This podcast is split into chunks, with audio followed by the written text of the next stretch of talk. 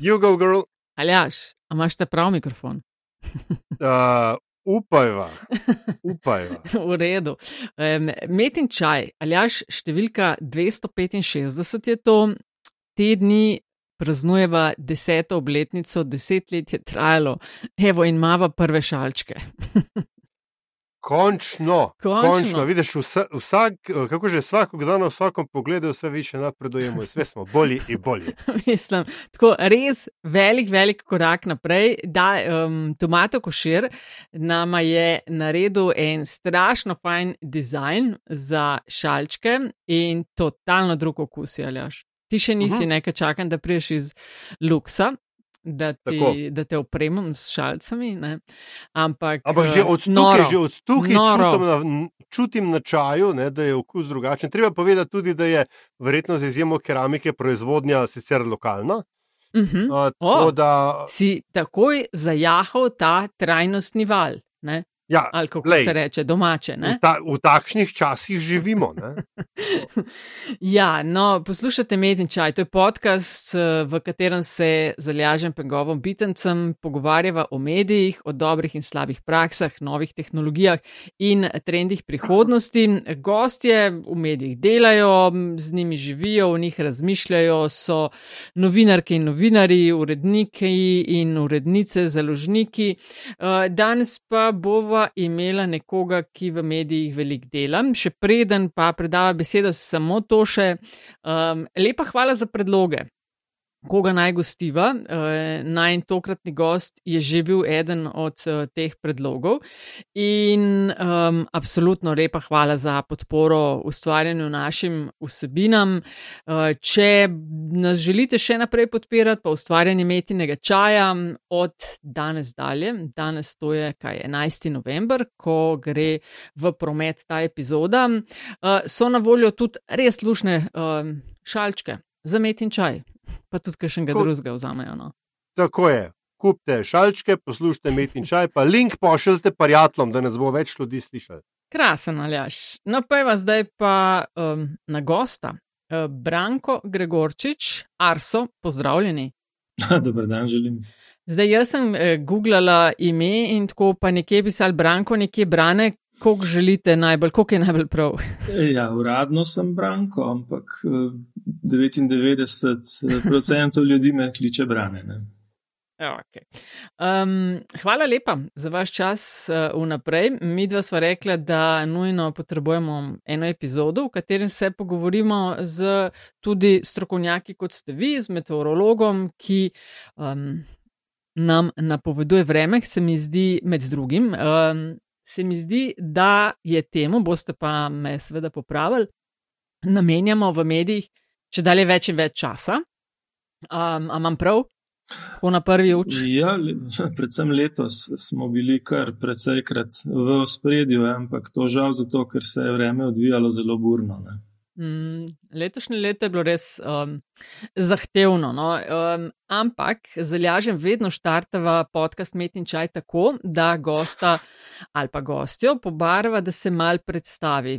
Vas um, verjetno pozna celotna Slovenija, z nami ste že par desetletij v tej vlogi med drugim, ampak za tiste, ki mogoče um, jih je treba mal spomniti, a nama sam zaupate mal. Um, vašo, ne vem, poklicno pot, kje ste začeli, kako to, da ste na televizijo prišli in tako dalje.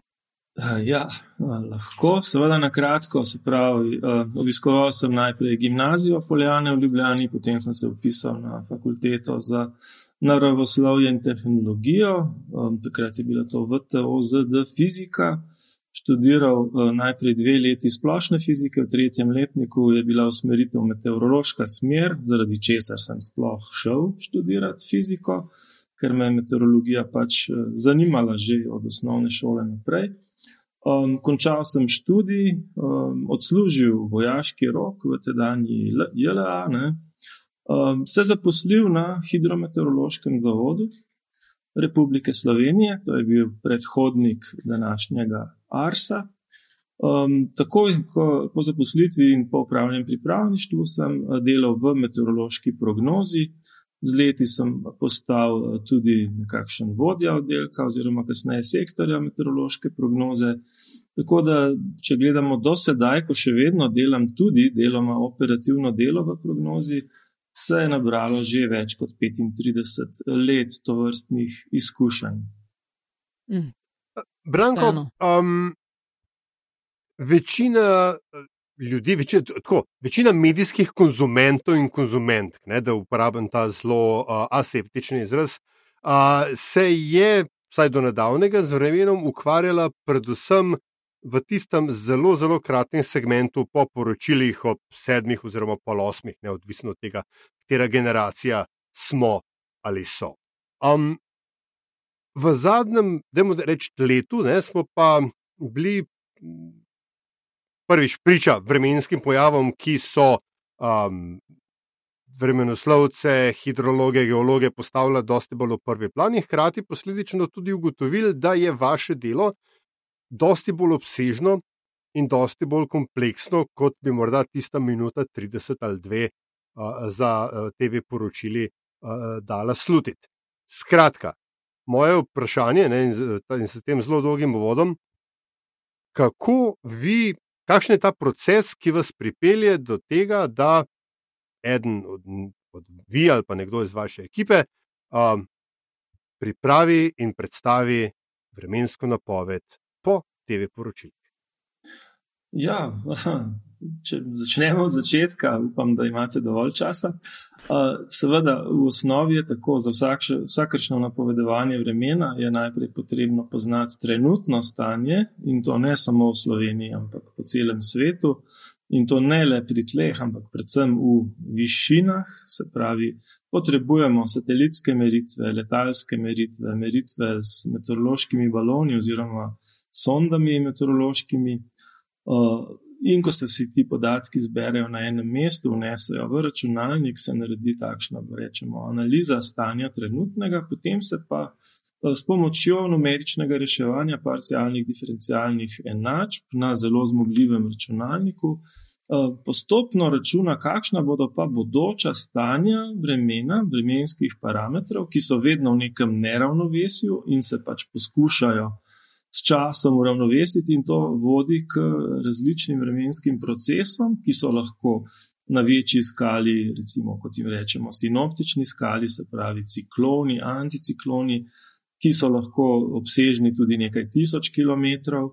Potem vremenske fronte, kot meja med dvema eh, zračnima masama z različnimi lastnostmi, ali pa samo bolj regionalno, ali celo, bi rekel, zelo v mezoskali uh, vpliv orografije, se pravi um, oblike, um, oblike uh, gorstev, višine, uh, prehodi med uh, morjem in recimo orografijo so dosti krat zelo ključni um, za recimo odvijanje vremena na tistem območju. Um, zelo velik vpliv ima dejansko uh, orografija, se pravi oblika reljefa. In uh, v modelih, recimo globalnih, kjer so resolucije do nedavnega bile še večje od 10 km, seveda ni bilo možno opisati vseh teh podrobnosti. Zdaj, uh, z razvojem bolj zmogljivih računalnikov, smo prišli uh, že na uh, prostorsko resolucijo, ki se preko štirih bliža enemu kilometru, to je že bolje. Ne? Ampak še vedno vemo, da so v naravi doline, ki so morda ali pa kakšne grape, ki so široke samo nekaj sto metrov. Ne. Tako da vseh vplivov, recimo tudi modelski izračuni, ne morejo zajeti, in potem seveda si do neke mere lahko pomagamo z nekaj izkušnjami, z nekaj, bi rekel, zdrave pameti. Eh, in uh, potem poskušamo, seveda, na poenostavljen način vse te produkte, ki jih je zdaj prav, res že nepregledno mnogo, včasih je bil morda en globalni model, pa potem sploh še ni bilo teh eh, bolj regionalnih, in smo rekli, človek za eno uro pač ve, koliko je ura, in smo eh, nekako bolj vehementno lahko napovedali. Ne. Zdaj pa je teh modelov kar velika množica. Celo posamezen model ima recimo 50 različnih zagonov z malenkost spremenjenimi začetnimi in robnimi pogoji, kar vse demonstrira pravzaprav določeno mero kaosa oziroma negotovosti, ki je pri vremenu vedno prisotna. Namreč že osnovnega stanja nikoli ne moremo poznati v zadnjo podrobnost.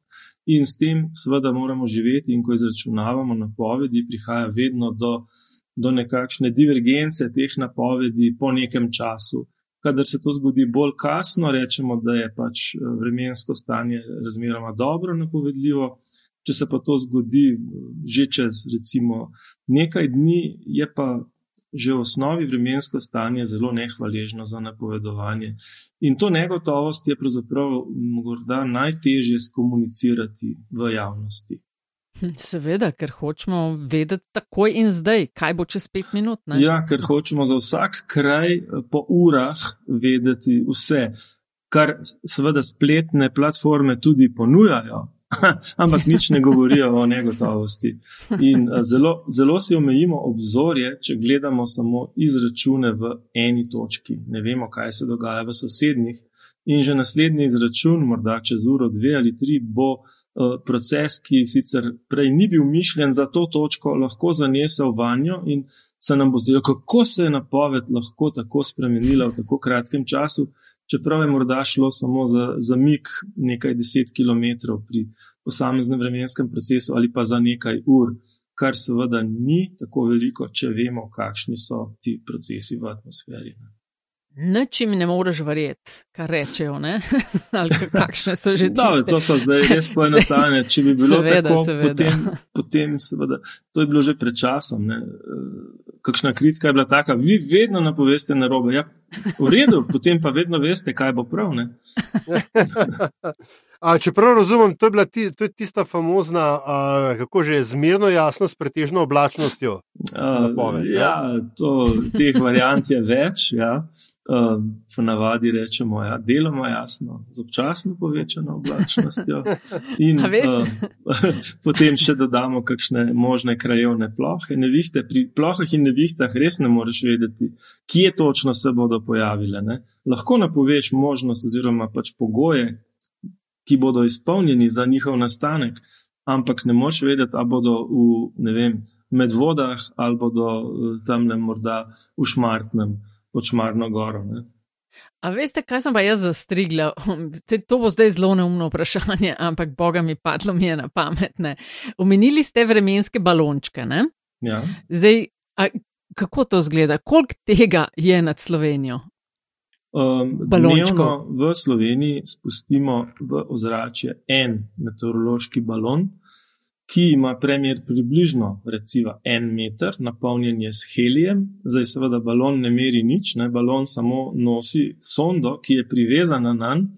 V atmosfero. Ne? In v tej sondi so pa inštrumenti, ki merijo temperaturo, vlago, zračni tlak in tudi GPS modul, tako da lahko izračunamo potem iz gibanja sonde tudi smer in mhm. hitrost vetra.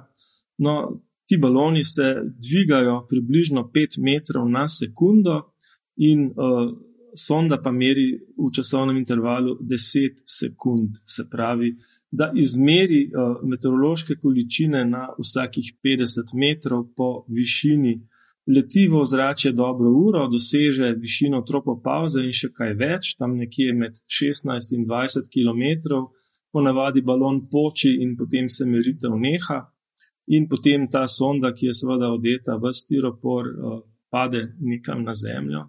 To moramo priznati, brez tega ne gre.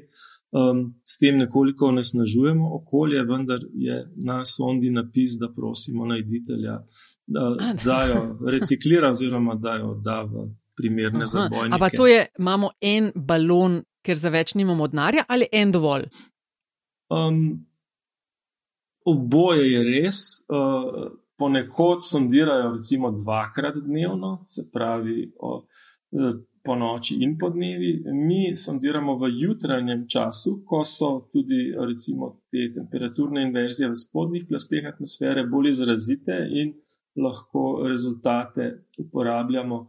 Bodi si za ocenitev stabilnosti atmosfere, možnosti razkroja megle v zimskem času, možnost razvoja, recimo, neviht v popoldanskem času, na osnovi sicer jutranje meritve, ne, um, tudi napovedi onesnaženosti zraka oziroma mešanja zraka v kotlinah so s tem uh, bolj kvalitetne, in pa seveda tudi za odvijanje letalskega prometa je ta profil kar zanimiv. Čeprav tudi letala lahko, vsaj nekatera potniška večja letala, merijo te vertikalne profile temperature in vetra, predvsem. Ne.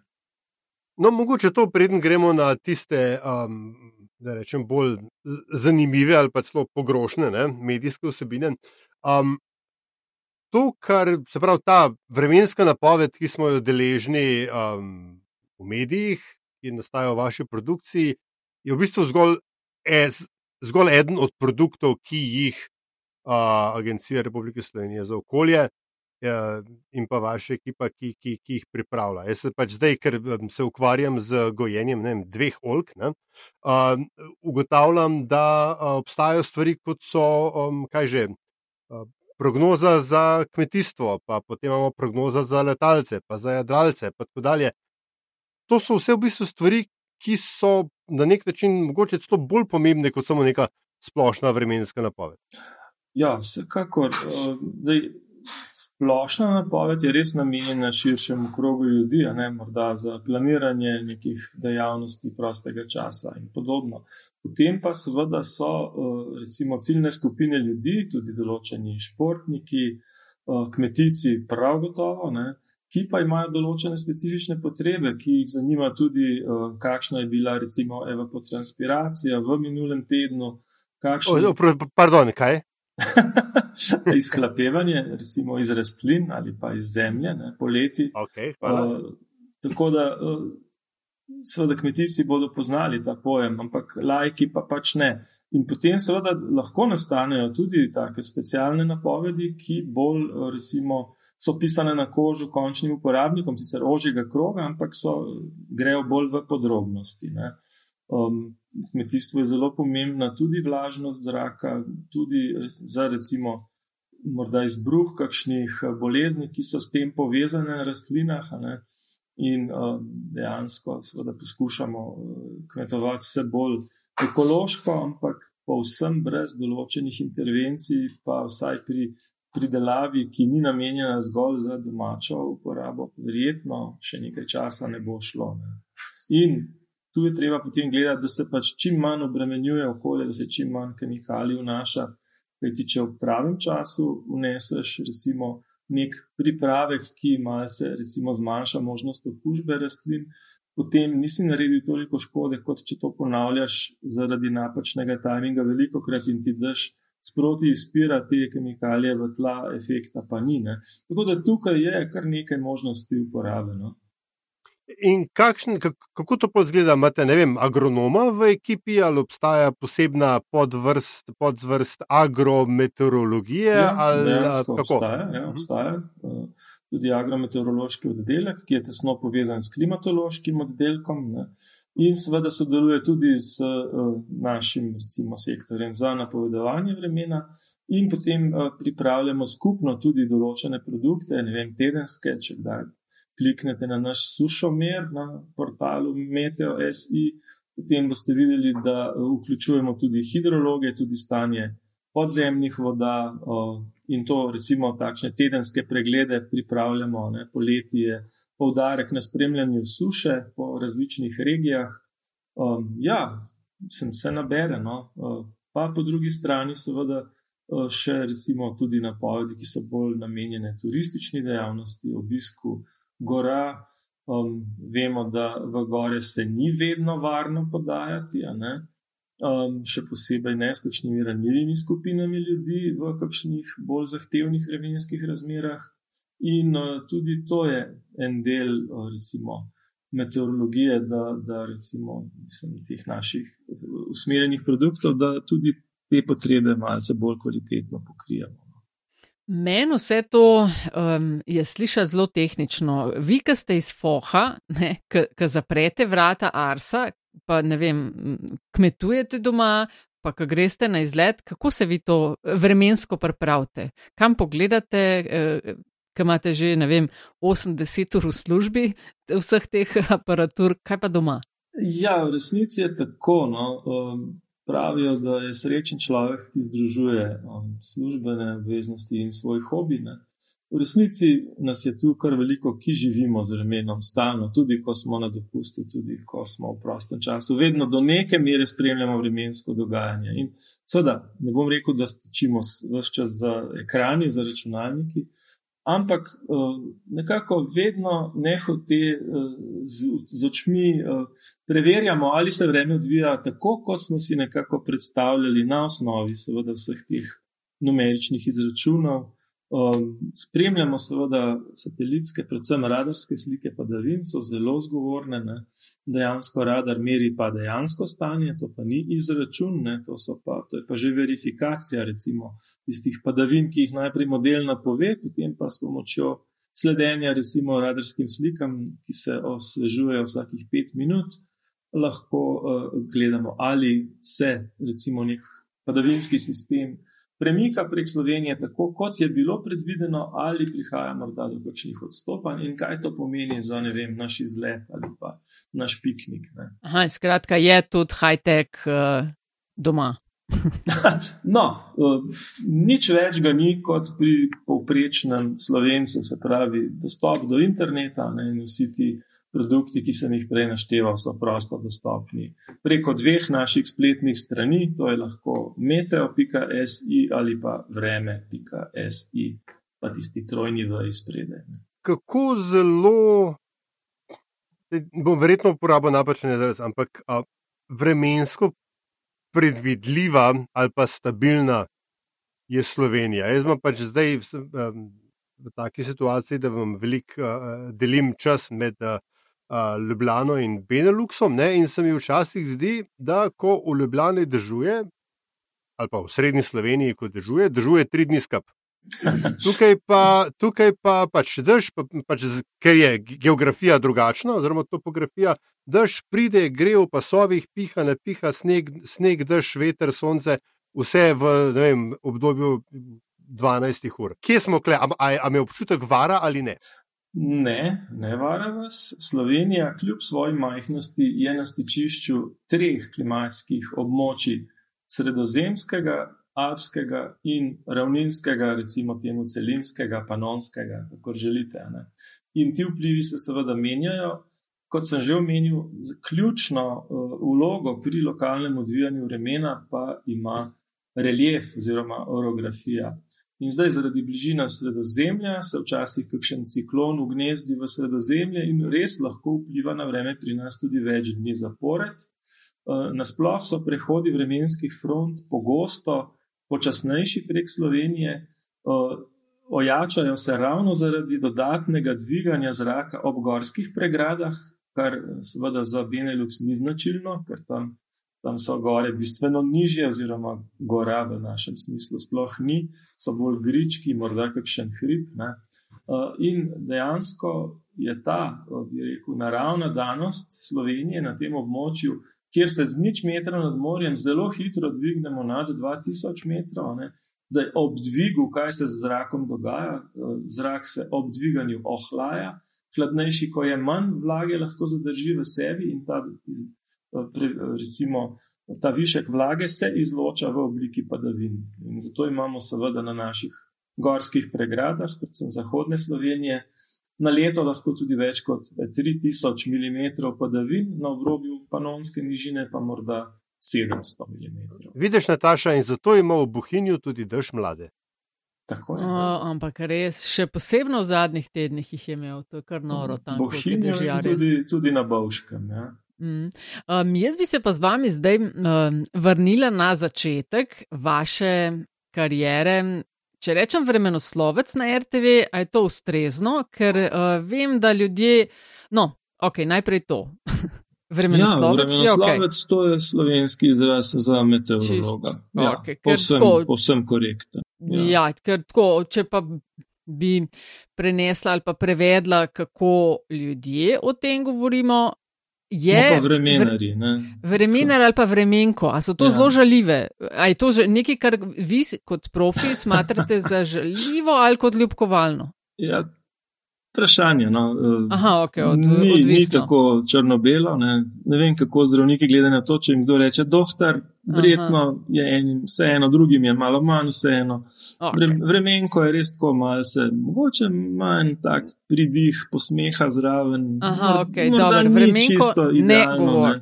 Uh, je pa zelo odvisno, ljudje to različno doživljamo. Ne? No, povejte začetek vaše kariere, ko ste se prvič pojavili na RTV, začeli napovedovati vreme. Um, kaj so bili takrat, a ste lahkih eh, nog in rok šli v to, kaj so bili pomisleki, pa mogoče, koliko se je spremenil zdaj po par desetletji pred kamero. In to, kar delate, in vi. Ja, v 80-ih letih je bilo seveda precej drugače, kot je sedaj. Ne? Tudi te tehnologije za prikaz, o, tako imenovane kromaki tehnologije, še ni bilo. Se pravi, dejansko smo imeli fizično ozadje, nekaj časa smo celo. Oziroma, so grafiki na televiziji ročno prerisavali določene vremenske karte, ki smo jih mi um, pač kot predlogo narisali na, na, enostavno na papir s flomastrom. In potem je kurir prišel iskat tiste, tiste gradiva, je potrobil pod našim oknom za Bežigradom in je odpeljal to na televizijo, in tam so potem v grafiki to malce lepše obdelali, da je bilo nekoliko lepše videti na ekranu.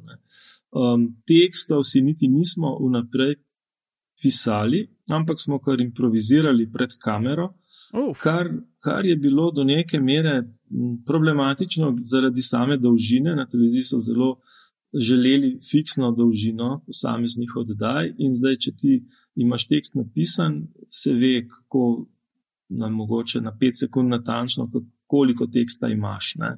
Če pa ti prosto govoriš, pa hitro govoriš več, in porabiš več časa, in potem jim je zmanjkovalo časa za EPP program. Recimo, ja. Je pa tudi res, da je seveda večja nevarnost, da se ti kaj zatakne in da se malce zgubiš med tem, ko kaj razlagaš, če nimaš recimo teksta, ki bi ti bil v oporo.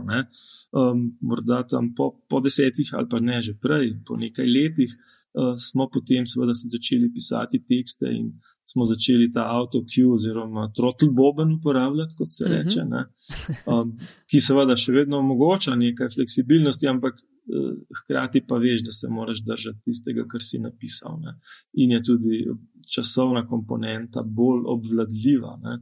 Drugače smo imeli tudi težave, kaj obleči za pred kamero. Ne, A, to seveda je bilo na RTV verjetno prepuščen čisto vam osebno. Ni, ja, v štartu nismo imeli te podpore. Potem, kasneje so se pojavili neki sponzorji, pa zdaj, seveda, verjetno ne bomo imenovali teh, sicer že bolj kot ne, večine propadlih podjetij, ki so takrat vendarle uh, kot uh, se za svojo promocijo pač nas opremile z, določenim, z določenimi kosi garderobe. Uh, vse to smo dali v teh začetnih fazah skozi, uh, pri tem, seveda.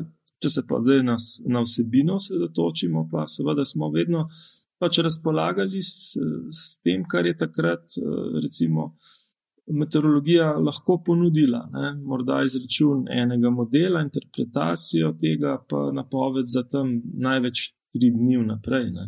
No, ampak mislim, da a, zdaj, ko se temu reče, ne, slon v sobi, ki ga pa gorila v sobi, ki jo zdaj nismo omenjali, seveda, so seveda vaše osebnosti ob kar nekaj vas sem zrasel, um, začenši z, z Miranom Trontlom, seveda. In uh, vsak, od, uh, napovedoval, vsak od napovedovalk, vsak od napovedovalcev, vremenoslovcev, vremenoslovcev, uh, imate nek tak svoj ženesekvan, da jim tako rečem. A je to naštudiran, je to, ste to vi, vi, je ne vem, a, a, Tanja Cegnar z, z biometeorološko napovedjo rekla: O, jaz bom pa tole vzela, zato ker tega noben drug ni, ni um, pač povzemal. Ali je to, ne vem, jo si, sicer bo to področje, ki je njo bolj zanimalo, in v končni fazi, kaj je vaš as v rokavu, ko, ko napovedujete vreme. Ja, drži, da vsak vnese seveda nekaj svoje osebnosti, nekaj individuuma, nekaj recimo, lastnosti, ki jih morda nimajo vsi v enaki meri. Ne. Zdaj, uh, potem pa ima vsak tudi morda svoj krok tistih, ki ga um, nekako cenijo zaradi tega, morda gre pa komu, kdo lahko zaradi kakšne te lastnosti tudi nekoliko na živce. Ne? Tukaj je potem ta razpon, ampak jaz mislim, hvala Bogu, da smo vsi različni do neke mere. Ne? Važno je, da vsaj tisti strokovni del podamo korektno, potem je pa verjetno zaželeno, da morda nekdo pove neko šalo, bolj takšne vrste, eh, drugi morda se izogiba kakšnim pretiranim eh, šalam, drugače pa ja. Eh, zdaj, moj, moj as v rokavu, ne vem, jaz zdaj sicer nisem več vključen v te večerne prezentacije vremena, ne, tam nekje s COVID-om, ko, ko smo za nekaj časa vsi prekinili, potem se nisem več vrnil, sem rajši odstopil bom rekel, prostor mlajšim, ne, ker zdaj imamo kar nekaj mlajših mhm. kolegov, uh -huh. ki se še profilirajo, ki bodo še pokazali, recimo, z leti te osebnostne lastnosti. Um, jaz sem poskušal biti uh, do neke mere, uh, tako bi rekel, uh, brez do pretiranega, uh, širšega, recimo, teksta, ne, da, da sem vendarle poskušal strniti dogajanje, kolikor se to da, hkrati pa ne zanemariti kakšnih zanimivih vremenskih dogodkov ali pa recimo bolj burnih dogodkov. Uh, drugače pa verjetno to bolj vprašanje za koga, ki to spremlja, pa kaj se njemu zdi, ne? sam sebe človek težko povsem dobro ocenjene. In kaj recimo mlajšim kolegom in kolegicam svetujete danes, ko se oni lotevajo ali pa stopajo, nastopajo v teologiji, v kateri ste vi pred desetletji želeli, ali pa mogoče na drugi strani tudi, kaj bi si vi želeli, da bi vam nekdo takrat svetoval, pa ste se skozi delo naučili ali pa prišli do kakšnih spoznanj? No, v resnici po, eh, po nekaj letih, pa morda desetletju dela, eh, sem bil deležen tudi strokovnega usposabljanja in to na BBC-u v Londonu, 14-dnevni nek tečaj, ki ga je Svetovna meteorološka organizacija za meteorologe, ki prezentirajo vreme v medijih, posebej na televiziji, no, pripravila. Eh, in tam so nam tako rekli, ne, ob svojem nastopu moraš biti spoštljiv, ti vstopaš v dnevno sobo ljudi, tako da moraš biti tudi primerno temu oblečen, urejen in uh, razlaga mora pa biti na nivoju, kot da ti na, razlagaš o tem, kakšno bo vreme svoji stari mami.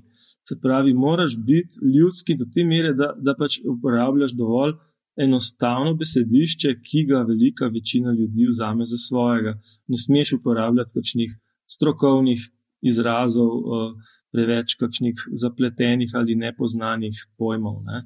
Tako da, ja, tudi tu je pač eh, verjetno napotek za, za mlado generacijo, da tudi, tudi ta vidik je kar za upoštevati. Preveč kompleksni prikazi, tudi včasih na televiziji, niso najbolj primerni, recimo že zaradi tega, ker je čas omejen za spremljanje. Ne?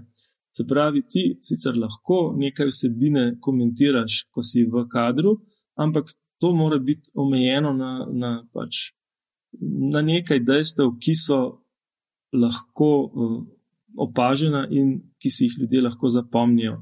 Če pa se ozadje preveč premika in ti že s svojim tekstom ne moreš slediti temu, kaj se dogaja v ozadju, potem je pa verjetnost, da bo od tega kakšna korist zelo majhna. Um, na spletu je seveda drugače, na spletu si lahko vzamemo čas, pa stvari pogledamo večkrat, pa tako naprej.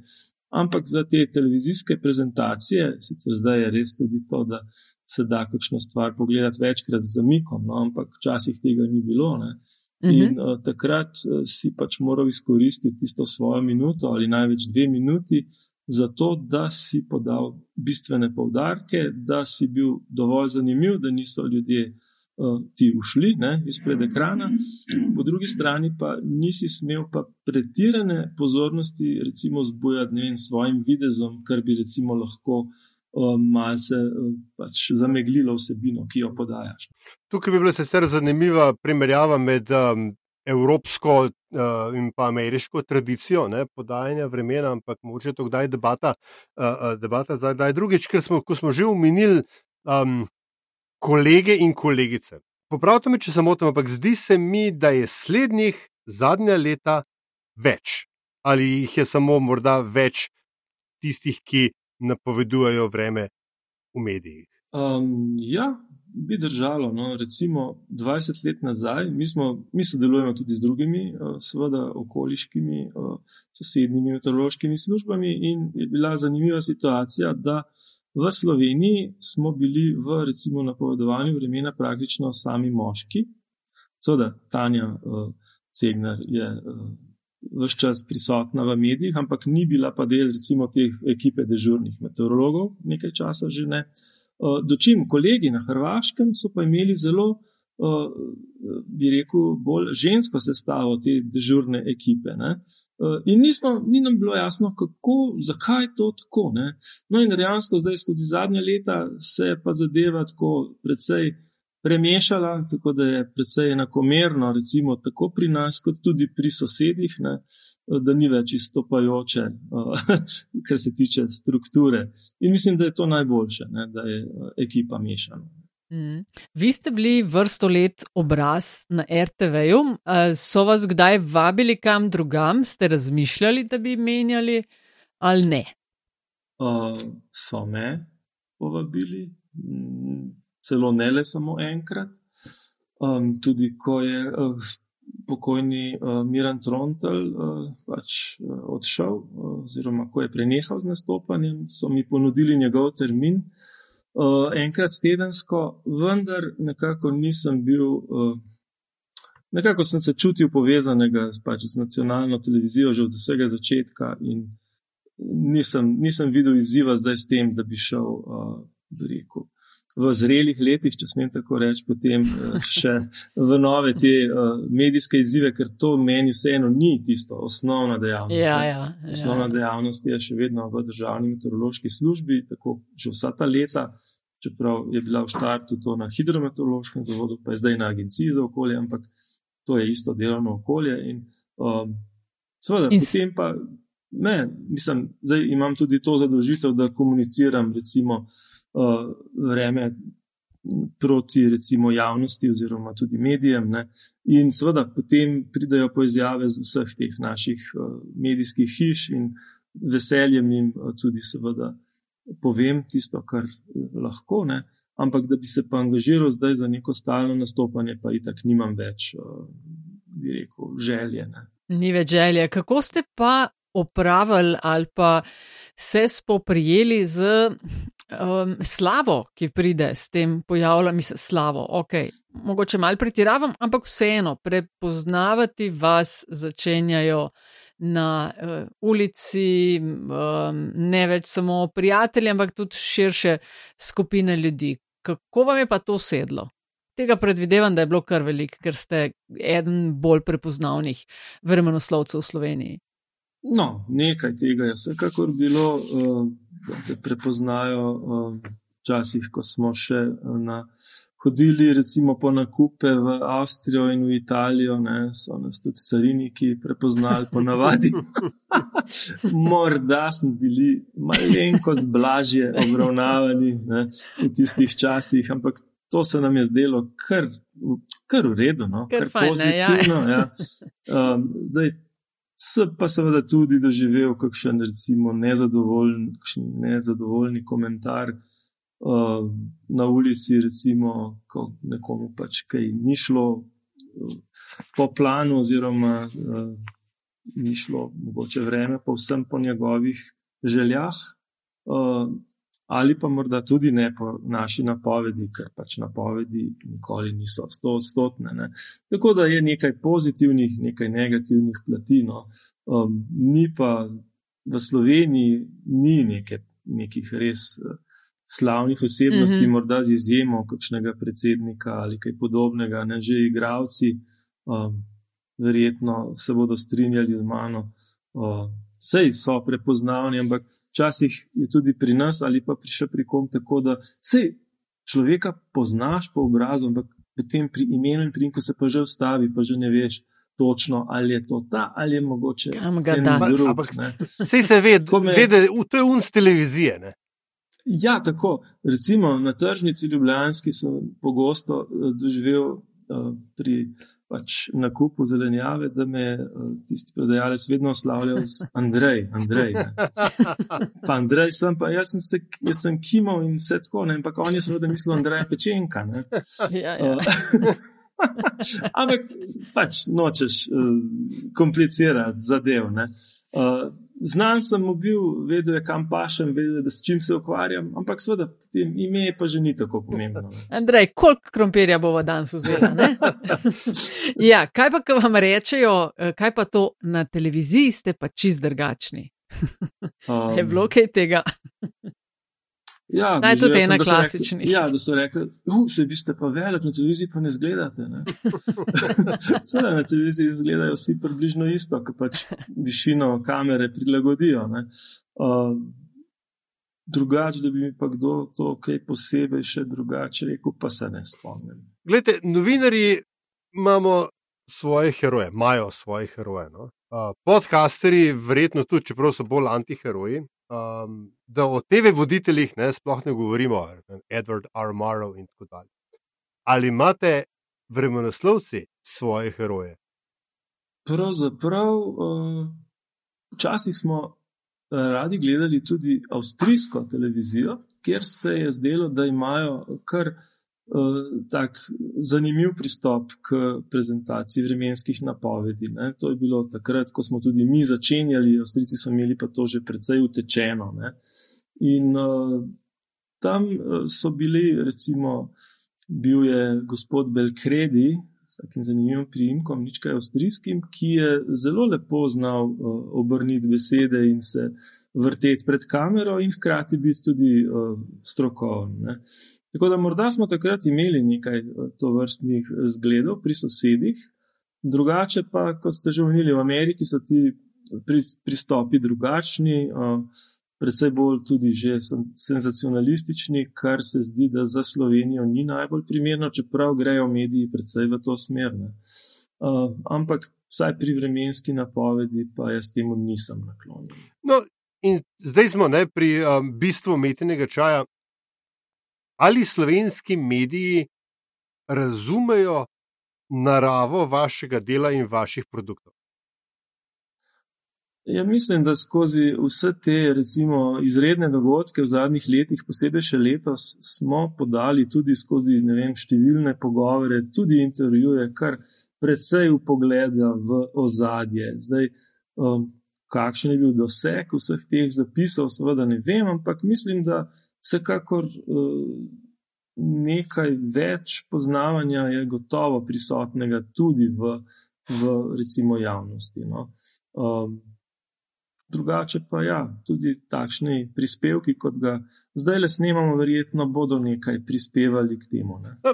Hvala, hvala, ne? ampak v bistvu me je zanimalo, me, zanimalo me bolj to, ko. Uh, ker ste, ste tudi sami ste omenili, da pač napovedi niso nikoli 100-odstotne. Gre bolj ali manj za stopnjo vrednosti in više kot je, bolje je. A, Tako, ampak um, zdaj, zdaj moram jaz ne, pravilno postaviti vprašanje. Ne? Ampak, ne, ker kogar kače piči, se boji tudi zvite vrvi. In po, po katas avgustovski katastrofi. Uh, se je pogosto zdelo, da so mediji raje naslikali bolj črno sliko, kot je potem dejansko bila, morda tudi zato, ne, da, ne bi, da se ne bi zdelo, da um, kaj, dajo, podcenjujejo. podcenjujejo. Hvala. Tako, A, skratka, ali mediji do, v dovoljšni meri, po vaši oceni, razumejo to um, stopnjo verjetnosti, ne? ker pač v naravi medija je, da želimo povedati, kaj se bo zgodilo kot prebito, ne? ker to je tisto, zaradi česar naj naj, naj nas bi ljudje spremljali. Ja, mediji so vedno nagnjeni k tem maksimalnim scenarijem, se pravi, čim bolj uh, intenzivno, toliko bolje. Um, tudi mi smo se srečali, oziroma soočili s tem, da morda smo potem po teh poplavah um,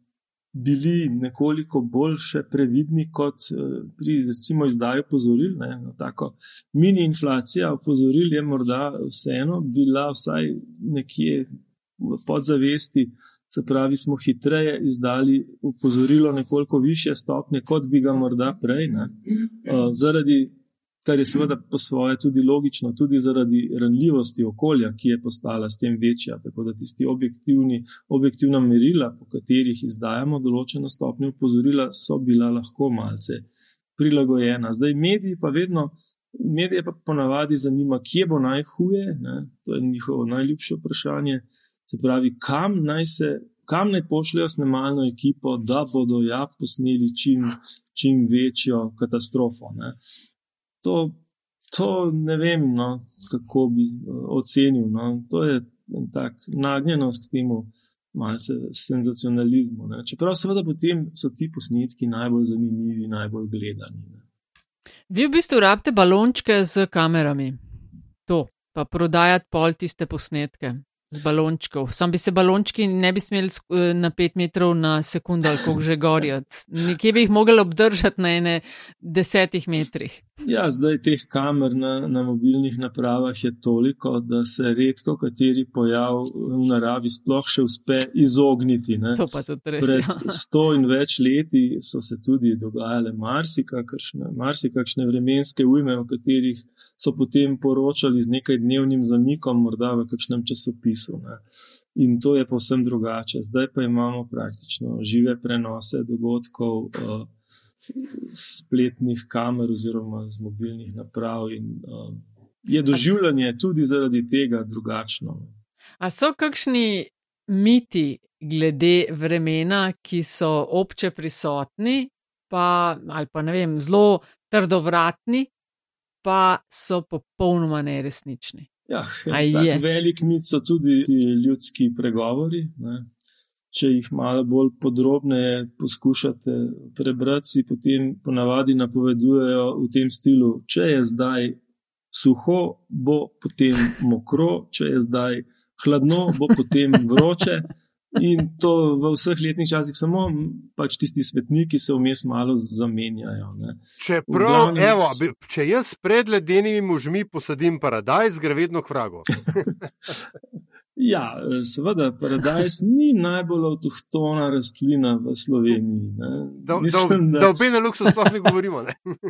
ja, uh, tako da je za določene, uh, sicer zdaj skozi leta se tudi ti pogoji spreminjajo, ampak uh, včasih opažamo, da je zdaj še več problemov s pomladanskimi pozebami v toplejšem podnebju, zato ker rastline prezgodaj odženejo in potem sledi en sam prodor hladnega zraka, recimo tam nekje v aprilu. In je že škoda tu, ne? ker včasih, ko so bile zime daljše, hladnejše in začetek pomladi bolj ob, ob, ob, obotavljiv, potem uh, seveda je bila tudi nevarnost pozebe v ohladitvi manjša. Tako da, ja, tukaj marsikaj se dogaja. Ne? No, in eh, ena od stvari, ki se dogaja, no, so pač poleg klimatskih sprememb, ki jih v bistvu impliciramo skozi cel ta naš pogovor. Uh, so seveda tudi najna priljubljena tema Nataša dezinformacije. Uh, od uh mhm. -huh. tega, da že, menda so zdaj poleti, so menda nekje v Italiji generirali, generirali vreme, ne? Potem imamo na Aljaski imamo Harp, ki generira globalno vreme, um, pa še en kup enih stvari.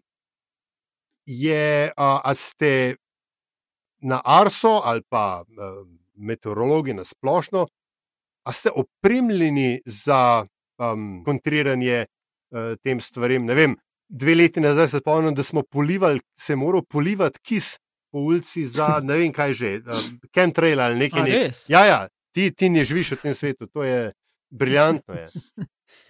Ja, uh, imeli smo. Um, marsi, mislim, vsak bolj izjemen dogodek privleče na dan te razne teorije zarote, ne, od vpliva NATO, ki je povzročil žled leta 2014, do uh, kemičnega snega, ki se ne tali, če ga žgemo z užigalnikom, ampak počrni na spodnji Aha, strani. Ja, ja. Uh, potem pa seveda ti klasični chemtraili, ki jih že 20 let recikliramo, vedno znova. Ne? Ker ljudje pač ne razumejo osnov fizike v atmosferi ali pa jo nočejo razumeti. Tako kot še vedno ustraja tudi ploščata Zemlja v končni fazi, ne? ampak to mogoče mi nekako se s tem direktno ne soočamo toliko. Ne? Ta kis je bil tudi aktualen, tudi neki orgonski topovi so se ja, pojavili. Ja, te so pa moji najljubši, ja, ja orgonci. Tako da marsikaj se najde in zdaj nekaj uh, vsebin poskušamo tudi razložiti na naših spletnih straneh vendar ugotovili smo, da pač se s pristaši teorije zarote nima smisla predolgo pregovarjati, ker jih, če jih v štartu ne uspeš prepričati, je zelo, zelo majhna verjetnost, da jih boš kdaj, kadarkoli kasneje, ker se pač oklepajo tega svojega. Prepričanja in niso, niso dojemljivi za kakršno koli uh, znanstveno razlago. No. Uh, Prihaja pa to tako v valovih. Ja. Če se kaj bolj izrednega zgodi, potem se hitro najde kdo, ki si išče nekaj minut slave s kakšno objavo na kakšnem družbenem omrežju.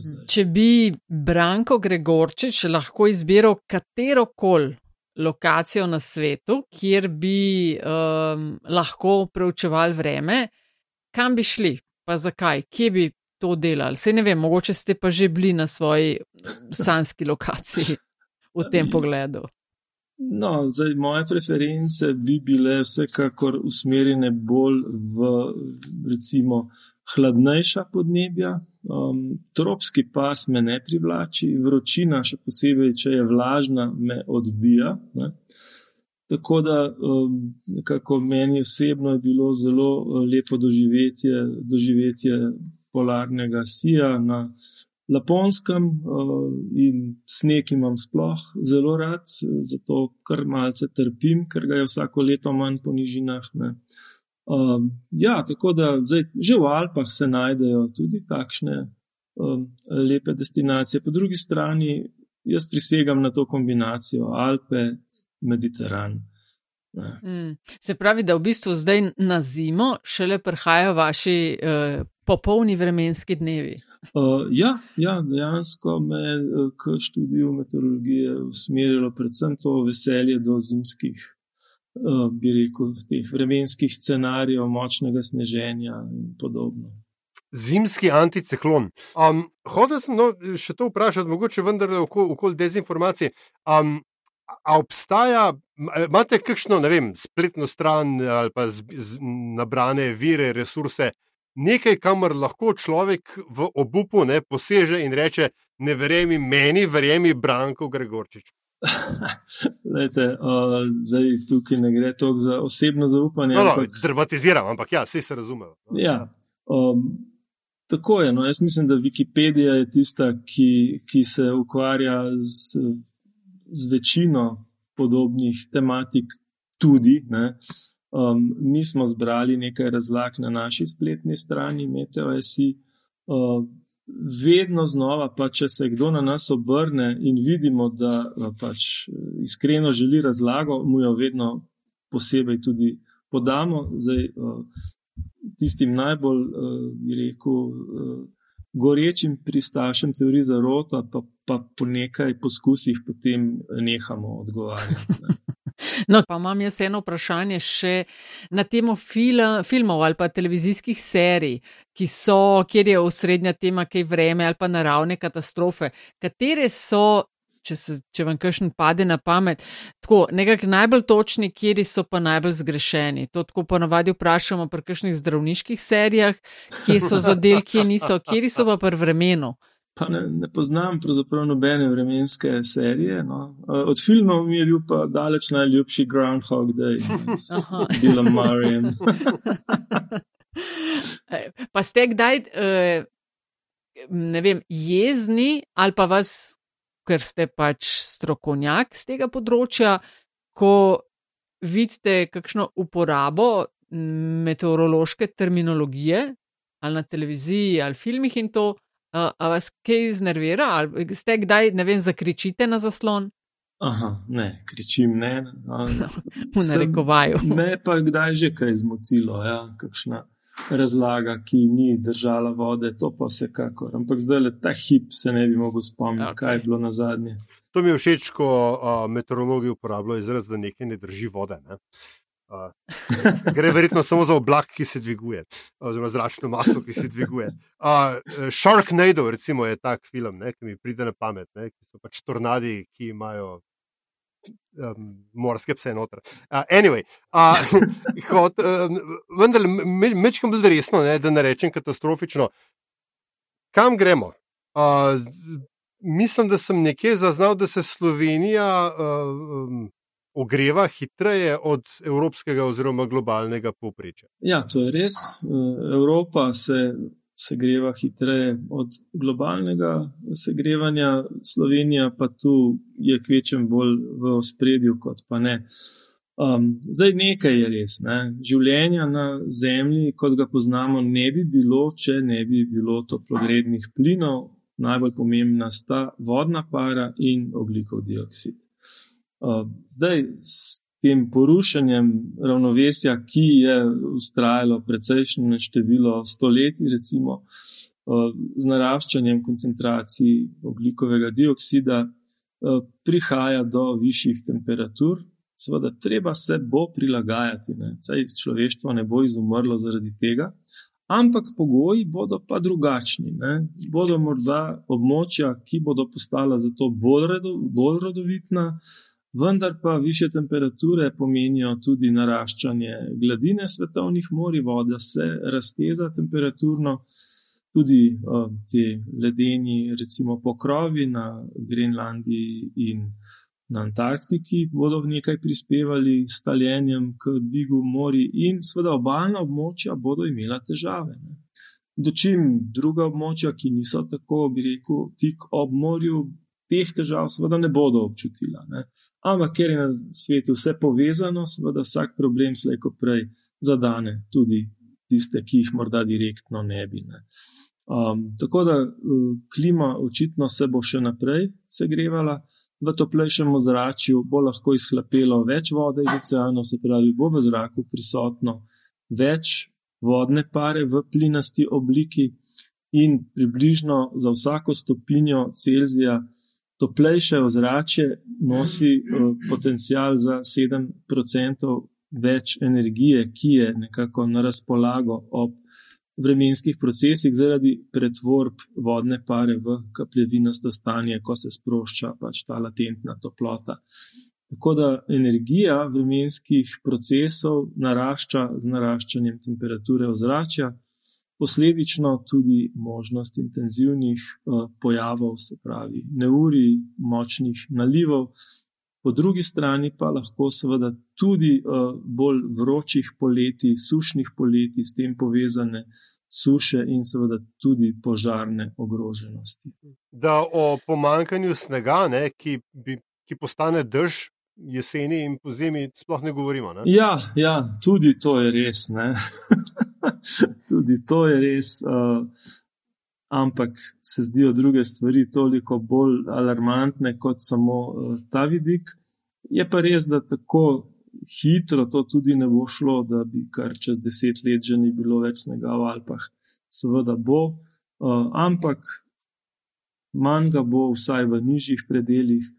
Uh, In ravno zato, ker bo več dežja v zimski polovici leta padlo, bo seveda tudi verjetnost poplav večja, kot recimo bi bila drugače. Se pravi, če pogledamo sto let naprej, glede na to, kaj se dogaja ali pa se bo dogajalo tudi v Sloveniji s podnebjem, z vremenom, kje je treba bajto kupiti? ja, dobro vprašanje. Vsekakor pri tem se je treba izogibati uh, preveliki bližini uh, vodotokov, hudournikov in pa seveda tudi plazovitemu terenu. Uh, tako da že zdaj je to pametno upoštevati, ne šele čez 50 ali 100 let. Mm. Ali jaz še, še eno, pa greva počasi ja, ja, ja. k zaključku? Tole bi še vprašala, no, ker je vse povsod, kamor se obrneš, skače že domala iz paštet. Umetna inteligenca, kako spreminja področje meteorologije? Čega? Ja, zdaj zaenkrat ga še ni prav bistveno načela. Kaj se bo dogajalo, bomo videli. Ne. Noben tudi ni znal vnaprej predvideti določenih tehnoloških razvojev v minulih desetletjih, in tudi zdaj jaz nisem človek, ki bi pametoval na to temo prav preveč, ker dejansko to ni moje področje. Tako da tukaj bom ostal rajši brez odgovora. Ok. Um, Ali ja, še ti kaj, greva na zadnje?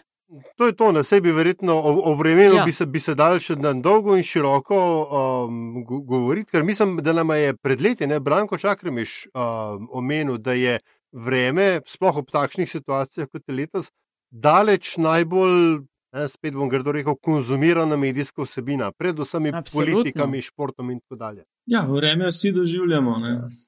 Tako, in ga težko, hočeš ali nočeš, ja, težko se... ga ignoriramo. Ja. Točno to. Um, in težko ignoriramo tudi zadnje vprašanje, gospod Branko Gregorčič. V metinem čaju vedno vprašava goste, da z nami na koncu, vse tega je bilo že do, do tu veliko, ampak da z nami delijo eno zanimivost, za katero ocenijo, da ne vem, veliko ljudi uh, ne ve za nekaj, ne pozna, pa bi bilo fajn, da bi. To je lahko pa res čist karkoli. Vaše priporočilo, zgodba, anekdota, skratka, čist vaše, um, vaš čas. No, no izvolite. Um, nekako sem, sem se spomnil na eno bolj kot ne anekdoto. V naši dežurni službi sprejemamo tudi klice uh, ljudi ne, in Eh, seveda potem odgovarjamo na vprašanja, ki so ponavadi povezana z vremenom, ne pa vedno, smo včasih tudi morda malce eh, strelovod za kakšne eh, ljudi, ki so malce osamljeni, pa bi se radi malce pogovarjali, no tudi to se dogaja. Po drugi strani pa smo recimo v, sem pa doživel enkrat v državstvu tudi zanimiv klic nekoga, ki je reševal križanko. In me, in me čisto resno vprašal, da rešuje križanko in da ga sprašuje, kaj je to Bart oblak. Bart oblak. Jaz sem pomislil za sekundo in kaj sem odgovoril? Jukundus, ne?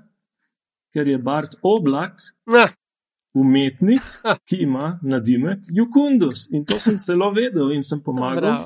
In sem kot uh, kot eh, vremenoslovec pomagal rešiti eh, križanko, ki sicer ni zahtevala meteorološkega gesla. Čudovito. Lepa. Ta je bila odlična. Hvala lepa za to deljenje in hvala lepa, gospod Branko Gregorčič, da ste bili uh, gost metinega čaja. Hvala za povabilo. In ne pozabite, zimska sezona ali až tam manj za čaj, tam manj za šalčke za čaj. Tako zbova hvaležna za investicijo v naše vsebine, da podprete metin čaj, če se vam zdi, da je vreden vaše podpore, v zameno dobite res lušno šalčko.